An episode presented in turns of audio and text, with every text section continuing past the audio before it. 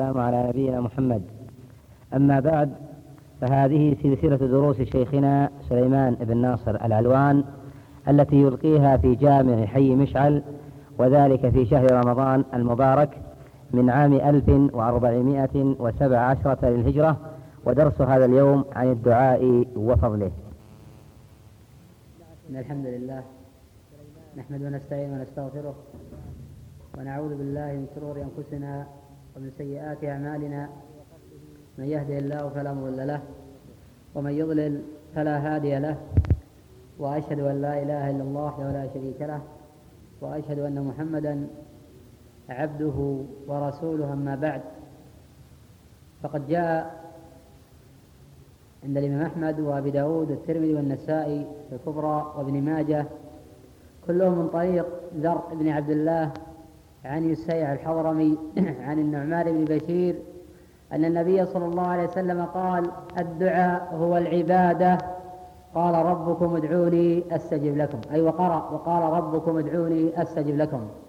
الله جل وعلا ما خلق الخلق إلا لعبادته والعبادة تتضمن وتشمل الدعاء كما تقدم في الحديث الدعاء هو العبادة. حصر النبي صلى الله عليه وسلم العبادة في الدعاء. والدعاء نوعان دعاء عبادة ودعاء مسألة. دعاء العبادة ما يقتضي تعظيم الرب جل وعلا وتمجيده ودعاء المسألة ما يقتضي سؤالا. في الاستفتاح مثلا إذا استفتح العبد سبحانك اللهم وبحمدك وتبارك اسمك وتعالى جدك ولا إله غيرك هذا يسمى دعاء عبادة. هذا يسمى دعاء عبادة. وهذا الخبر صحيح. كان عمر رضي الله عنه يستفتح به في محراب النبي صلى الله عليه وسلم والخبر في صحيح اليوم مسلم. ورواه أيضا الدار قطني رحمه الله تعالى بإسناد صحيح لأن سند مسلم فيه انقطاع بين عبده بن أبي لبابة وعمر. وأما الاستفتاح والنوع الآخر وهو ما جاء في الصحيحين في أبي هريرة أنه قال للنبي صلى الله عليه وسلم أرأيت إسكاتك بين التكبير والقراءة؟ ماذا تقول؟ قال أقول اللهم باعد بيني وبين خطاياي كما باعدت بين المشرق والمغرب الحديث. فهذا يسمى دعاء مسألة لأنه يقتضي سؤالا للرب جل وعلا. ولما كان الدعاء هو العبادة كان الحديث عنه من أهم الأمور ومن عزائمها. فإن العبادة تقتضي الذل والخضوع للرب جل وعلا. وقد عرف الإمام ابن القيم رحمه تعالى العبادة بأنها اسم جامع لكل ما يحبه الله ويرضاه من الأقوال والأفعال الظاهرة والباطنة. والعبادة لا تكون عبادة إلا بأمرين عظيمين. الأمر الأول المحبة الأمر الثاني الذل مع الخضوع. فإن العبد قد يخضع ويذل لإنسان ولا يحبه يكون مكرها. وقد يحب شخصا ولا يذل له. أنت تحب المؤمنين تحب الصديقين ولكن لست ذليلا لهم. كذلك قد تذل شخص ما لأنه يكرهك. ولذلك يقول ابن القيم رحمه تعالى وعبادة الرحمن غاية حبه مع ذل عابده هما قطبان. وعليهما فلك العبادة دائر ما دار حتى قامت القطبان. ومداره بالأمر أمر رسوله. لا بالهوى والنفس والشيطان. ولذلك ذكر الله جل وعلا الدعاء واستفتح به كتابه وختم الله جل وعلا كتابه أيضا بالدعاء. يدل هذا على ماذا؟ يدل على أهمية الدعاء. ولذلك كانت الخصومة بين الأنبياء والمرسلين وبين أممهم في هذا الموضوع. وذلك أنهم يدعون الأوثان والأشجار والأحجار والقبور ويستنجدون بهم ويسألونهم إغاثة اللهفات وإزالة الكربات وتفريج الملمات. إن تدعوه لا يسمعوا دعاءكم ولو سمعوا ما استجابوا لكم. ويوم القيامة يكفرون بشرككم ولا ينبئكم مثل خبير. والذين تدعون من دونه ما يملكون من قطمين ولا تدعو من دون الله ما لا ينفعك ولا يضرك. فإن فعلت فإنك إذا من الظالمين. قلنا قبل هذا إن الله جل وعلا استفتح كتابه بالدعاء وذلك في قول الله جل وعلا الحمد لله رب العالمين.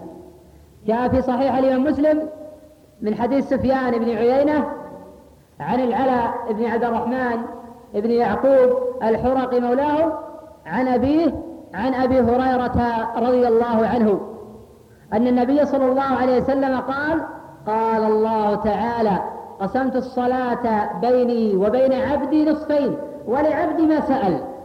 فإذا قال الحمد لله رب العالمين قال الله تعالى حمدني عبدي. وإذا قال الرحمن الرحيم قال أثنى علي عبدي. وإذا قال مالك يوم الدين قال مجدني عبدي. وإذا قال إياك نعبد وإياك نستعين قال هذا بيني وبين عبدي ولعبدي ما سأل. فإذا قال اهدنا الصراط المستقيم صراط الذين أنعمت عليهم غير المغضوب عليهم ولا الضالين آمين. قال هذا لعبدي ولعبدي ما سأل. هذا لعبدي ولعبدي ما سأل. كل منا محتاج لهداية ربه جل وعلا.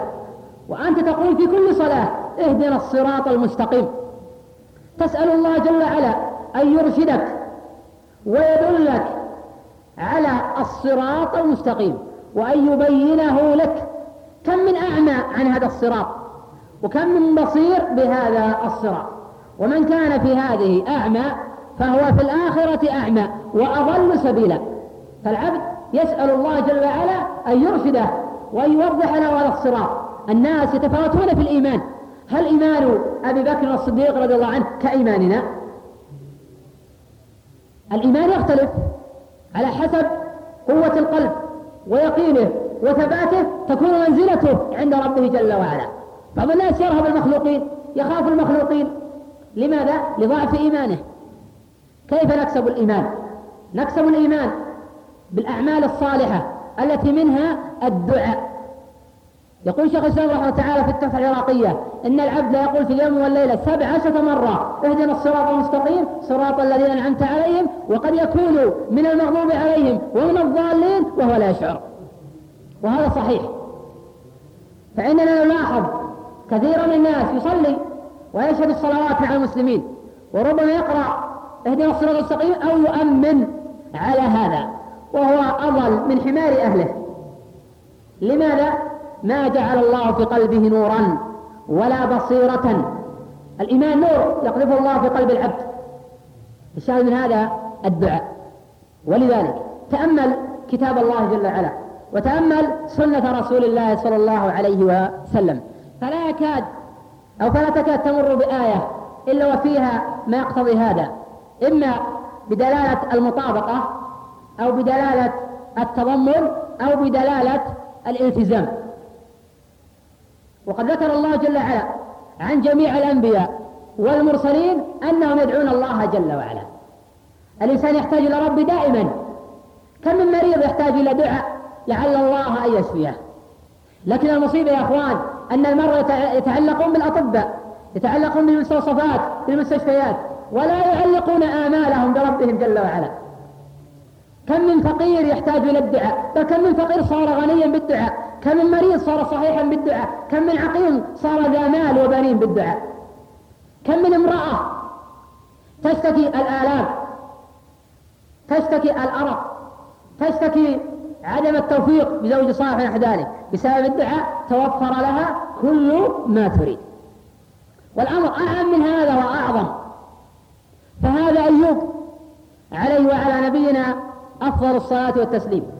ذكر المفسرون والمؤرخون أنه مكث في البلاء ثمانية عشر عاما حتى فارقه أهله وجيرانه وأحب الناس إليه ولم يبق معه سوى زوجته. فدعا ربه جل وعلا وأيوب إذ نادى ربه أني مسني الضر وأنت أرحم الراحمين. فاستجبنا له فاستجبنا له. استجاب الله جل وعلا دعاءه. فقال وكشفنا ما به من ضر. كشف الله جل وعلا ضره. ما استغنى عن ربه جل وعلا. يا أيها الناس أنتم الفقراء إلى الله. والله هو الغني الحميد. العبد لا بد يدعو الله. لا بد يلح على الله جل وعلا. لو كان هناك أحد من البشر يستغني عن الدعاء لاستغنى عن ذلك ايوب لأنه نبي من أنبياء الله جل وعلا. ولكنه لا يستغني أحد عن الدعاء. نبينا صلى الله عليه وسلم أفضل الأنبياء باتفاق أهل العلم وهو سيد ولد آدم. ومع ذلك كان يدعو الله جل وعلا. ليلا ونهارا سرا وجهارا ويكثر المناشدة لربه جل وعلا. في ركوعه في سجوده حتى بين السجدتين حتى إذا خرج من الخلاء قال غفرانك. حتى إذا دخل الخلاء قال اللهم نعوذ من الخبث والخبائث. والحديث الصحيحين من حديث قتادة عن عبد العزيز بن صهيب عن أنس بن مالك عن النبي صلى الله عليه وسلم به.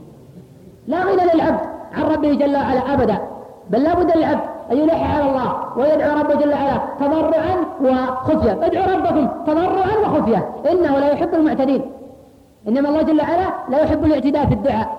أما كون العبد يدعو ربه جل وعلا فهذا أمر مفروض أمر فرض على كل مسلم ومسلمة. إلا أن الدعاء منه ما هو واجب بلا شك ومنه ما هو مستحب بل من الدعاء ما هو محرم كالاعتداء. كي يدعو الإنسان على من لا من لم يظلمه. كي يدعو الإنسان وهو واقع بين النساء تدعو الضرة على ضرتها بدون مبرر وبدون سبب شرعي أو تدعو على زوجها حين يتزوج عليها. هذا محرم وإثم وقطيعة رحم وهذا لا يستجاب الدعاء. كما في مسند الإمام أحمد رحمه الله تعالى من طريق علي بن علي الرفاعي عن أبي المتوكل الناجي عن أبي سعيد الخدري رضي الله عنه. أن النبي صلى الله عليه وسلم قال ما من مسلم يدعو بدعاء ليس فيه إثم ولا قطيعة رحم إلا أعطاه الله بإحدى ثلاث إما تعجل له دعوته وإما يصرف عن السوء مثلها وإما يدخر له إلى يوم يلقاه. قال إذا نكثر قال الله أكثر قال الله أكثر. أي كلما أكثرتم من دعاء استجاب الله جل وعلا لكم. فقوله صلى الله عليه وسلم ما من مسلم يدعو بدعاء ليس فيه إثم ولا قطيعة رحم. من أعظم الإثم أن المرء يدعو على شخص لم يظلمه. ولم يعتدي عليه. بأي حق ضرة على ضرتها أبي سبب زواجه الله جل وعلا باح الزواج. فانكحوا ما طاب لكم من النساء. مثنى وثلاثة ورباع جعل الله جل وعلا للرجل أربعا يتزوج بهن. كيف تدعو على زوجها؟ هذا كله محرم. أو على ضرتها هذا كله محرم. وقد تفشى اليوم بين النساء. تقول فلان عانتني فلان سحرتني. ثم تشرب الدعاء عليها. وبالكلام بها والتحدث المجالس ما هو الدليل؟ ما في دليل. حدثها الشيطان الرجيم حين نطق هذا كله خرافات ترهات لا أصل لها في الشرع. آه الشيطان نعم يتلبس ببني آدم وهذا أمر مجمع عليه بين أهل العلم ولكنه كذاب لا يصدق. صدق كذوب الأصل في الشيطان الكذب فلا يجب تصديقه ولا اعتبار مقاله أصلا ولا يجوز إلقاء التهم واتهام الآخرين بمجرد ظنون وترهات وأباطيل تافهة لا أصل لها عند في كلام الله ولا في كلام رسول الله صلى الله عليه وسلم.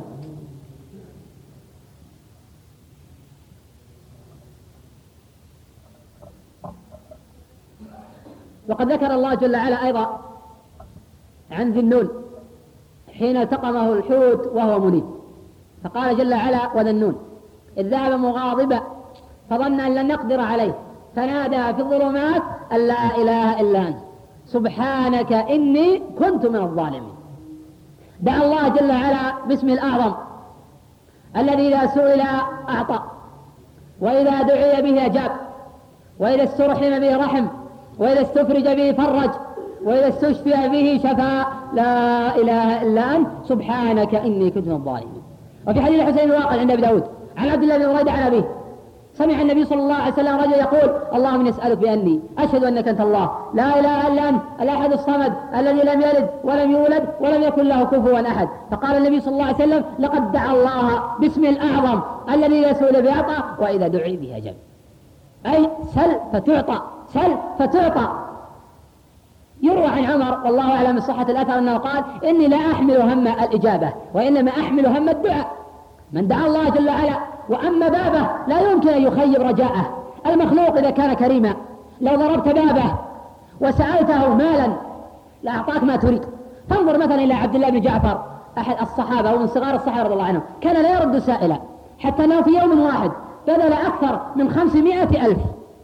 في يوم واحد في الصدقات بذل أكثر من خمسمائة ألف. مثل هذا لو سألت ما رد سؤالك؟ الله أعظم من هذا. والله يغضب إن تركت سؤاله. وبني آدم حين يسأل يغضب. المخلوق يسأم ويمل. ربما يظهر البشرى في أول مرة وفي الثانية وفي الثالثة. ولكن مهما كان الأمر سوف يمل سؤالك ويسأم حالك. ولو سئل الناس التراب لأوشكوا. ولو سئل الناس التراب لأوشكوا إذا قيل هاتوا أن يملوا ويمنعوا التراب وهو تراب لا قيمة له. لو أكثرت سؤال المخلوقين منه لسئموا سؤالك وملوا حالك وربما اغتابوك وتكلموا فيك وطعنوا في حقك في المجالس. فلان لا يستحي فلان كذا فلان كذا فلان يسأل ترابا. فما بالك إذا سألتهم أموالهم؟ وحاجاتهم التي لا يبذلونها إلا بشق الأنفس. يسأل ربه جل وعلا ماذا فعل؟ ماذا فعل ذنون قال لا إله إلا أنت سبحانك إني كنت من الظالمين. فاستجبنا له ونجيناه من الغم نجى الله جل وعلا من الغم. لأن يظن أن هذا خاص بأنبياء الله ورسله. قال الله جل وعلا وكذلك ننجي المؤمنين. جعل الله جل وعلا الأمر عاما لجميع المؤمنين. أهم شيء على العبد. أن يتقي ربه جل وعلا فاتقوا الله ما استطعتم. ويبدأ بدعائه بحمد الله والثناء عليه ثم بالصلاة على النبي صلى الله عليه وسلم. ثم يدعو إذا خال من المحرمات لا يمكن يرد دعاء مثل هذا. لا يمكن يرد دعاء مثل هذا. وهذا نبي الله زكريا. ابتلاه الله جل وعلا بالعقم. وكانت امرأته عاقرة. ولكنه لا ييأس من روح الله. الإنسان إذا مكث في البلاء عاما أو عامين سئم ومل قال أنا سوف أموت. أنا لا يعافيني الله. إذا لو كان لي أو للأطباء عندي شفاء لعالجوني فقد عالجت في المستشفى الفلاني عالجت بأمريكا عالجت بألمانيا فلم ينفع. نسي ما هو أعظم من هذا. نسي الدعاء. هل هناك أعظم من العقم؟ نبي من أنبياء الله ابتلي بالعقم. وكانت زوجته كبيرة طاعنة في السن وكانت عاقرة أيضا. ومع ذلك لم ييأس من روح الله جل وعلا. لأنه لماذا؟ إنه لا ييأس من روح الله إلا القوم الكافرون. سمى الله جل وعلا اليائسين من روح الله قوما كافرين. وزكريا نادى ربه؟ ربي لا تذرني فردا وأنت خير الوارثين. دعا الله جل وعلا باسمه الوارث فهو خير اسم مناسب في هذا المقام. الذي يرث الأمور فاستجبنا له ووهبنا له يحيى وأصلحنا له زوجه. حظي بثلاث خصال من خيرة الخصال. الخصلة الأولى أن الله جل وعلا وهبه ولدا الخصلة الثانية أنه جعل ولده نبيا من أنبياء الله جل وعلا. الخصلة الثالثة أصلح الله له زوجه. إنهم كانوا يسارعون في الخيرات ويدعوننا رغبا ورهبا وكانوا لنا خاشعين. ربما يختلج الإمر اليأس لكثرة دعائه إذ لم يستجب وهذا غلط. فقد تقدم قول صلى الله عليه وسلم إما أن تستجب دعوته أي تعجل له دعوته وإما يدخرها له يوم القيامة وإما يصرف عنه من السوء مثلها. وفي الصحيحين من حديث الزهري عن أبي عبيد عن أبي هريرة أن النبي صلى الله عليه وسلم قال يستجاب لأحدكم ما لم يعجل. يقول قد دعوت ودعوت فلم يستجب لي. حينئذ ربما تحسر وترك الدعاء. حينئذ يندم. فيكون بمنزلة من بدر بدرا حتى إذا حان وقت حصاده. وحان وقت نضوجه ترك سقيه فهلك الزرع وصار هشيما أحوى. بينما لو استمر في السقي أخرج زرعه فاستوى على سوقه. هذا من الذي يدعو. حين قرب إجابة دعائه ترك الدعاء وهذا غلط. يلح على الله جل وعلا. في تفسير قول الله جل وعلا قد أجيبت دعواتكما فاستقيما. ذكر الحافظ ابن كثير عليه رحمة الله تعالى أنه بين دعاء موسى وتأمين هارون على فرعون أربعون عاما. دعا موسى على فرعون أربعين عام ما استجيب له إلا بعد أربعين عاما. الله جل وعلا حكيم يضع الأمور مواضعها. ربما استجيب الدعاء حينئذ فدعا. الدعاء. لأن بعض الناس إذا استجيب الدعاء ترك الدعاء. الله جل وعلا يحب أن يسمع صوت عبده المؤمن التقي يلح على الله جل وعلا. فحينئذ يصاب عبد المصيبة تكون المصيبة خيرا له. كما قال بعض السلف إني لا أصاب بالمصيبة وأدعو الله فأتمنى ألا يستجيب الله لي لما حصل لي من النعيم العظيم بسبب الدعاء. الدعاء أمر عظيم.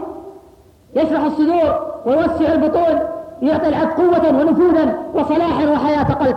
ولكن ما لجرح بميت إلم يشعر بهذا من جرب الدعاء وجرب ثمرته وعرف غايته وعرف مطلوبه. ما على العبد إلا يدعو الله جل وعلا. فقد جاء في الصحيحين أيضا من طرق متعددة عن الزهري عن أبي سلمة والأغر بعبد الله عن أبي هريرة. أن النبي صلى الله عليه وسلم قال ينزل ربنا إلى سماء الدنيا حين يبقى ثلث الليل الآخر. فيقول من يدعوني فأستجيب له من يسألني فأعطيه من يستغفرني فأغفر له. الله أكبر. الله جل وعلا الخالق البارئ المصور يقول لعباده من يدعوني؟ فأستجيب له. من يسألني؟ فأعطيه هل منكم من أحد يستغني عن ربي جل وعلا؟ كل منا يشتمل إما على مرض أو على فقر أو على ضياع أبناء أو على أذية زوجة أو على عقم أو على غير ذلك من مصائب الدنيا. الله جل وعلا يقول لقد خلقنا الإنسان في كبد. أي يكابد أمور الدنيا ومشاقها. فعلى العبد أن يلعن الله جل وعلا حتى يكشف ضره ويرزقه من حيث لا يحتسب ويحيي قلبه ويثبت على دين الإسلام. فإن العبد يحتاج إلى ربه في دينه ودنياه. يدعو على الله جل وعلا أن يهديه الصراط المستقيم. فإذا هداه يثبته ولا يزغ قلبه يدعو لأبنائه للمسلمين عامة للعلماء والدعاة والمصلحين وغير ذلك. ما يغفر العبد عن ربه جل وعلا أبدا. ولكن يا إخوان ربما يدعو العبد ولا يستجاب دعاؤه بسبب نفسه وهواه وشيطانه. فقد جاء في صحيح الإمام مسلم من حديث عدي بن ثابت عن أبي حازم عن أبي هريرة أن النبي صلى الله عليه وسلم قال إن الله أمر المؤمنين بما أمر به المرسلين فقال تعالى يا أيها الرسل كلوا من الطيبات واعملوا صالحا يا أيها الذين آمنوا كلوا من طيبات ما رزقناكم ثم ذكر الرجل يطيل السفر أشعث أغبر يمد يديه إلى السماء. يا ربي يا ربي ومطعمه حرام ومشربه حرام وملبسه حرام وغذي بالحرام فأنا يستجاب له. ربما العبد يصاب بمرض بفاقة بشيء لا يؤلم ويؤذيه يدعو الله ويسجد دعاء فكر لماذا؟ ربما في بيتك تلفاز لا يستجاب دعائك ربما عندك دش لا يستجاب دعائك ربما إنك تغتاب المسلمين وتسعى بينهم بالنميمة لا يستجاب دعائك ربما أنك تجالس أعداء الدين لا يستجاب دعائك ربما أن عندك عقوقا لم تصل أرحامك. بل عققتهم لا تعرفهم إلا من العيد إيه، والعيد الآخر. حينئذ لا يستجاب دعائك ربما فيك غل ودغل في القلب وأذية للمسلمين. ربما أنك تؤذي جارك تؤذي إخوانك. ربما أنك لم تصلهم. ربما وربما يفتش الإنسان عن نفسه. الإنسان على نفسه بصير. إذا حرص عرف أين موضع الداء وعرف أين موضع الدواء. أما كونه يغفل عن الله ويغفل عن نفسه ويتمنى على الله الأماني مثل هذا يخشى يصاب بقارعة تصيبه من عند الله جل وعلا. فلذلك إذا توفرت الأسباب وانتفت الموانع مثل دعاء هذا لا يرد. سعد بن أبي وقاص والحديث الصحيحين من حديث عبد الملك بن عمير عن سمرة أو عن جابر بن سمرة قال شكى أهل الكوفة سعدا إلى عمر بن الخطاب. فعزل عمر فولى عليهم عمارا. ودعا عمر رضي الله عنه بسعد فقال يا أبا إسحاق شكاك أهل الكوفة في كل شيء في كل حتى في الصلاة حتى في الصلاة. فقال يا أمير المؤمنين ما أبالي حيث صليت كما كان رسول الله صلى الله عليه وسلم يصلي. قد كنت أصلي العشاء وأمد في الأولين وأخفف في الأخرين فقال عمر رضي الله عنه ذاك الظن بك يا أبا إسحاق. فبعث معه رجلا أو رجالا إلى الكوفة. فلم يدعوا مسجدا إلا ودخلوا وسألوا عن سعد. فيثنون على سعد وقص خيرا سعد رضي الله عنه أحد العشر المبشرين بالجنة. شهد له النبي صلى الله عليه وسلم بالجنة. ومات النبي صلى الله عليه وسلم عنه راضي. ولكن من يسلم من الناس؟ شكوه في كل شيء. حتى أتى مسجدا من مساجد بني عبس. فسأل عن سعد فأثنوا عليه خيرا. فقام رجل من هؤلاء فقال إما إذ سألتنا فقد كان سعد لا يسير بالسرية ولا يقسم بالسوية ولا يحكم بالقضية. فغضب سعد رضي الله عنه حق له بالغضب. إذ قد ظلمه وكذب عليه وبهته ولكن ماذا دعا عليه سعد؟ وقد كان سعد رضي الله عنه مستجاب الدعاء. فدعا على من ظلمه وبهته وأقام مقام رياء وسمعه أمام الحاضرين. قال أما إذ كذب عليه هذا اللهم إن كان عبدك هذا قام مقام رياء وسمعة. اللهم أطل عمره وأطل فقره وعرضه للفتن. فكان الشيخ الرجل يقول شيخ مفتون أصابتني دعوة سعد. قال عبد الملك بن عمير رأيت هذا الرجل. وقد سقط حاجباه على عينيه وهو يطارد النساء يغمزهن في الأسواق. في الصحيحين أيضا من حديث هشام بن عروة عن أبيه أن عروة ادعت على سعيد بن زيد أنه سرق أرضها ورفعت به إلى مروان. فقال مروان فقال سعيد بن زيد أنا أسرق أرضك بعد سمعت النبي صلى الله عليه وسلم. فقال مروان وماذا سمعت النبي صلى الله عليه وسلم يقول؟ قال سمعته يقول من ظلم شبرا من الأرض طوق يوم القيامة من سبع أراضين. فدعا سعيد بن زيد على هذه المرأة بأن يعمي الله بصرها وأن يميتها في أرضها. فعمي بصرها وسقطت في البئر فماتت. دعا الله عليها. هكذا ينبغي المسلم يستعمل سلاح الليل. إذا استعمل عدوك سلاح السنان والقوة والبطش فاستعمل معه ما هو أعظم من هذا. نواصي العباد يا أخوان بيد من؟ نواصي العباد يا أخوان بيد من؟ بيد فلان وعلان أم بيد الله جل وعلا؟ بيد الله.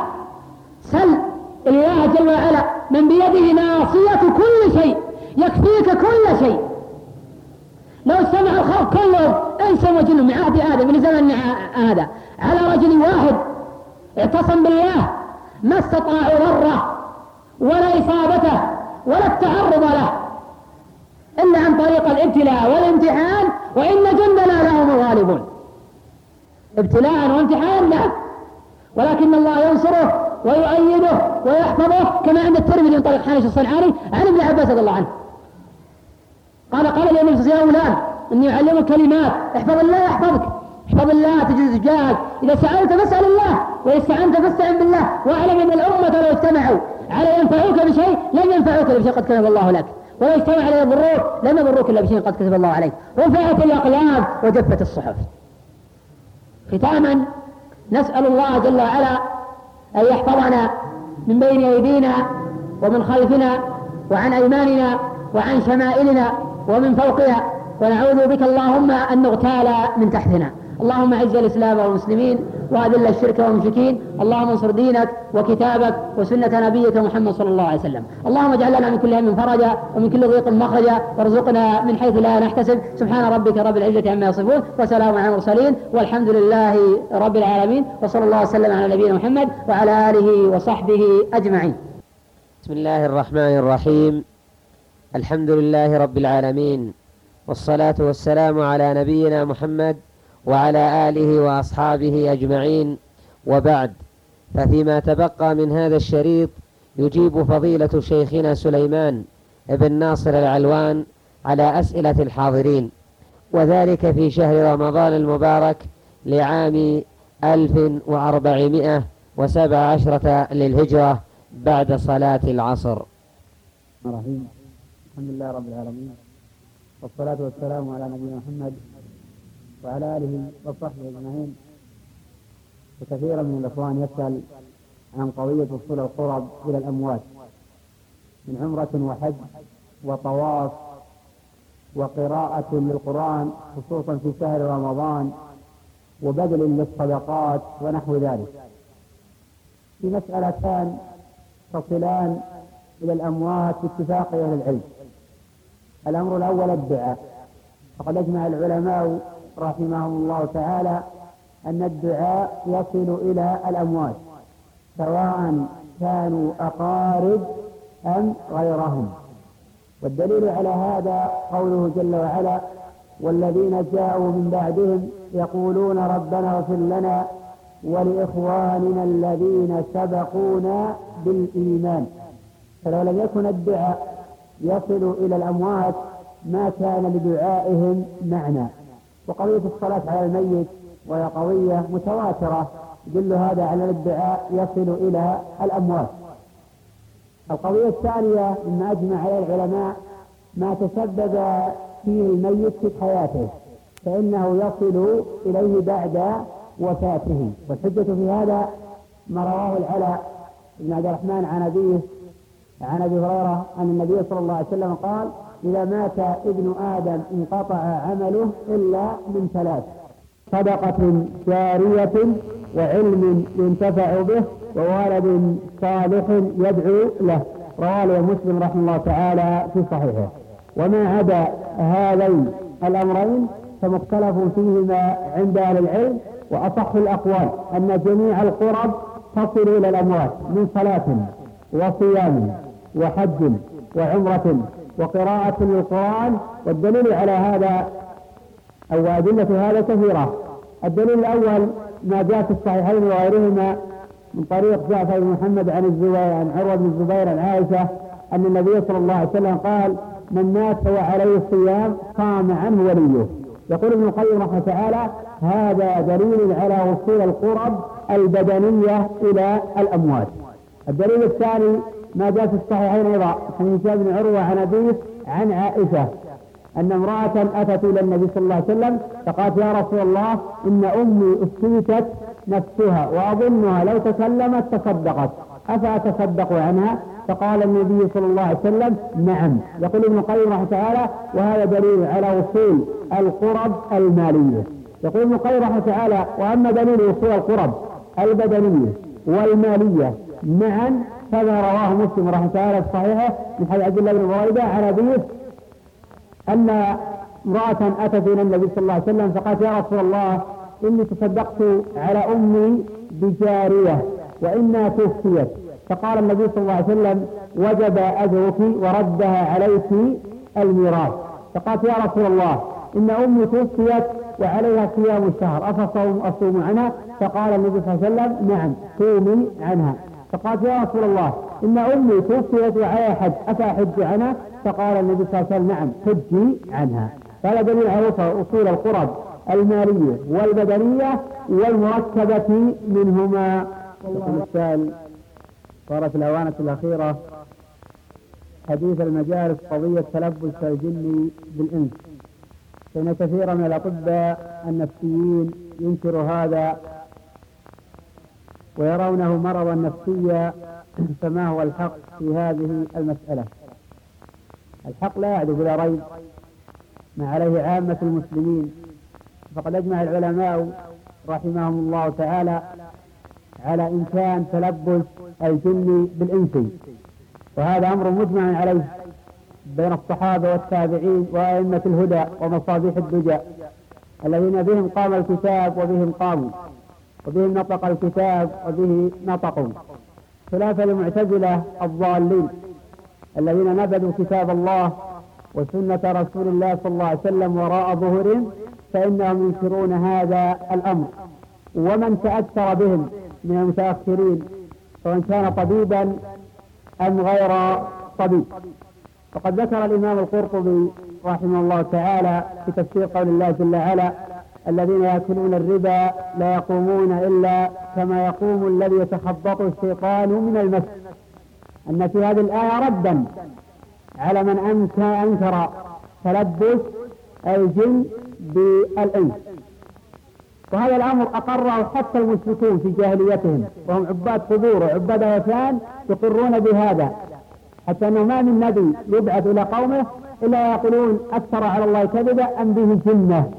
يعني أصابه جني وتلبس به فينطق على لسانه. فصار عباد القبور وعباد الأوثان أعقل بأضعاف مضاعفة من كثير من المنتسبين إلى العلم الذين ينكرون هذه القضية. وأعقل أيضا من كثير من الأطباء النفسيين الذين ينكرون تلبس الجن بالإنس خصوصا يستعصى عليهم الأمر. لأنه ما عندهم إلا الحبوب فقط. أما علاج إلهي علاج من الكتاب أو السنة فهذه الأمور ربما أنها تعثر عليهم وتستصعب وإذا تنكرون هذا الأمر. لماذا؟ لأن علومهم مبنية على علوم الغرب. فإذا المرء يتأثر بعلوم الغرب من أول دراسة إلى نهايتها وهو يتعلم في بلاد الغرب. أن له يدرك هذا الأمر. يكذبوا بما لم يحيطوا به علما. فهؤلاء يكذبون بما جاء في الكتاب وبما جاء في السنة لأن علومها الغربية لا تحيط بهذا. هم في الحقيقة هم الذين يحتاجون إلى علاج عوضا عن يعالج الناس وداوود الأولى أن يعالج نفوسهم أولا. فقلوبهم مريضة والمرض يحتاج إلى علاج. فضلا عن يعالج الناس.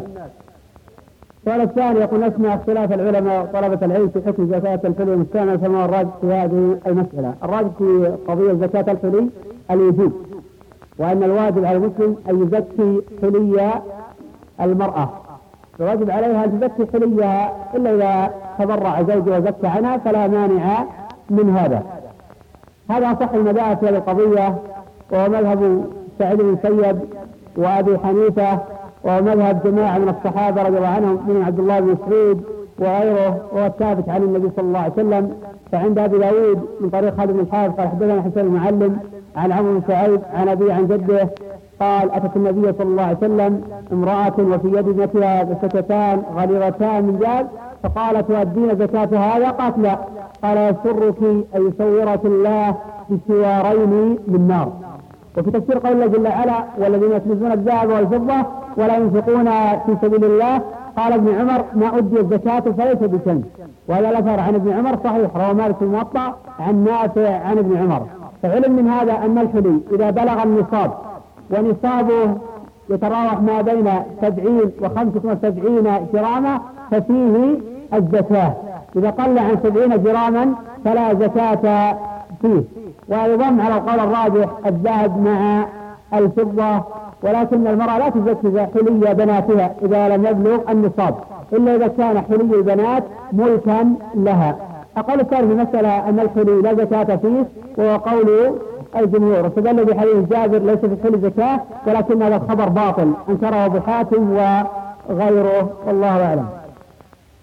الثالث يقول ما حكم الجمعية التي يفعلها بعض الموظفين والمدرسين وصفتها ثم ذكر صفتها وهي معروفة؟ الصواب في هذه الجمعية أنه لا بأس بها. ومن منع فإنما استدل بحديث موضوع لا تقوم به حجة ألا وهو كل قرض جر منفعة فهو ربا. هذا خبر ذكر الحافظ بن حجر رحمه تعالى في بلوغ المرام وعزاه الحارث ابن أبي أسامة وقال واسناده ساقط. بل هذا إسناد موضوع مداره على سوار بن مصعب وهو متهم في حديث رسول الله صلى الله عليه وسلم. فالجمعية هذه لا بأس بها لأنها قائمة على مقام النفع. والتراضي. وليس كل قرض يجر منفعة فإنه ربا. إذا لم يكن عن تواطؤ هذا لا مانع منه. فلو أقربك شخص ما مئة ألف ريال على أن تردها من العام القادم مئة ألف ريال فلما حان الوقت زدتها عشرة آلاف ريال هذا لا مانع منه. لماذا؟ لأن هذا الفعل لم يقع عن شرط. إذا لا ربا فيه البتة. وقد فعل هذا النبي صلى الله عليه وسلم بنفسه. حين اشترى جمل جابر زاد والحديث الصحيحين. كذلك النبي صلى الله عليه وسلم رد البكر خيار خيارا رباعيا وهذا أمر مجتهد حتى نقل الصنعاني عفوا الشوكاني عليه الاتفاق. إذا كان في كيفيه نقل الشوكاني الاتفاق على الجواز. وأما الكميه فايضا مذاهب جماهير العلماء الجواز حتى نقل أيضا بعض العلماء الإجماع على هذا. الله أعلم. سائل هل يصح قضاء الوتر بين الأذان والإقامة من صلاة الفجر. الجواب لا مانع من قضاء الوتر إذا فات لعذر بين الأذان والإقامة من صلاة الصبح.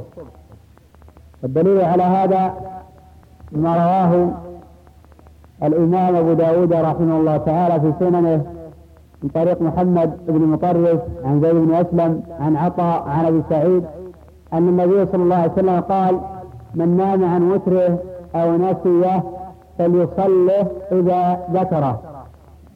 ورواه الإمام الترمذي رحمه تعالى من طريق عبد الرحمن بن زيد أسلم عن أبيه عن عطاء به وهذا إسناد ضعيف. والأول أصح. فدل هذا الخبر على جواز قضاء الوتر بين الأذان والإقامة من صلاة الفجر والله أعلم. وأما إذا كان المرء متعمدا للترك فحينئذ قد فات وقته فلا يقضى. يقول صلى الله عليه وسلم فإذا خفت الصدق فأوتر بواحدة. متفق عليه من حديث ابن عمر. السؤال الثاني يقول السائل ماذا رد بحديث من قرأ آية كرسي دبر كل صلاة لم يمنعه من دخول الجنة إلا الموت هذا الخبر رواه الإمام النسائي رحمه تعالى في عمل اليوم والليلة من طريق محمد بن حمير. قال حدثنا محمد بن زياد الألهاني عن أبي أمامة أن النبي صلى الله عليه وسلم قال من قرأ آية الكرسي دبر كل صلاة لم يمنعه من دخول الجنة إلا الموت. وإسناده حسن قد حسنه الحافظ ابن حجر رحمه الله تعالى وصححه ابن حبان في كتاب الصلاة له وابن عبد الهادي والمنذري وغيرهم من أهل العلم. وقد جاء في الحديث زيادة عند الطبراني وهي قراءة قل هو الله أحد وهي زيادة منكرة باطلة ولا يصح قراءة هذه السورة عقب كل صلاة. من المحفوظ يقرأ آية الكرسي الله أعلم. السؤال الثالث يقول إذا وقعت النجاسة في الماء فهل ينجس أم لا؟ الجواب الماء لا ينجس إلا إذا تغير طعمه أو لونه أو رائحته بنجاسة. والدليل على هذا ما رواه أحمد وأبو داود والترمذي وغيرهم عن أبي سعيد الخدري رضي الله عنه أن النبي صلى الله عليه وسلم قال الماء طهور لا ينجسه شيء. وصححه الإمام أحمد. جاء في حديث أبي أمامة إلا أن تغير طعمه ولونه ورائحته وهذا الخبر فيه رسول بن سعد وهو ضعيف الحديث. قال هذا خبر ضعيف باتفاق المحدثين. إلا أن العمل عليه عند أهل العلم رحمهم الله تعالى. فالنجاسة إذا وقعت في الماء. سواء كان الماء قليلا أم كثيرا فإنه لا ينجس إلا إذا غيرت النجاسة طعمه أو لونه أو رائحته. والله أعلم.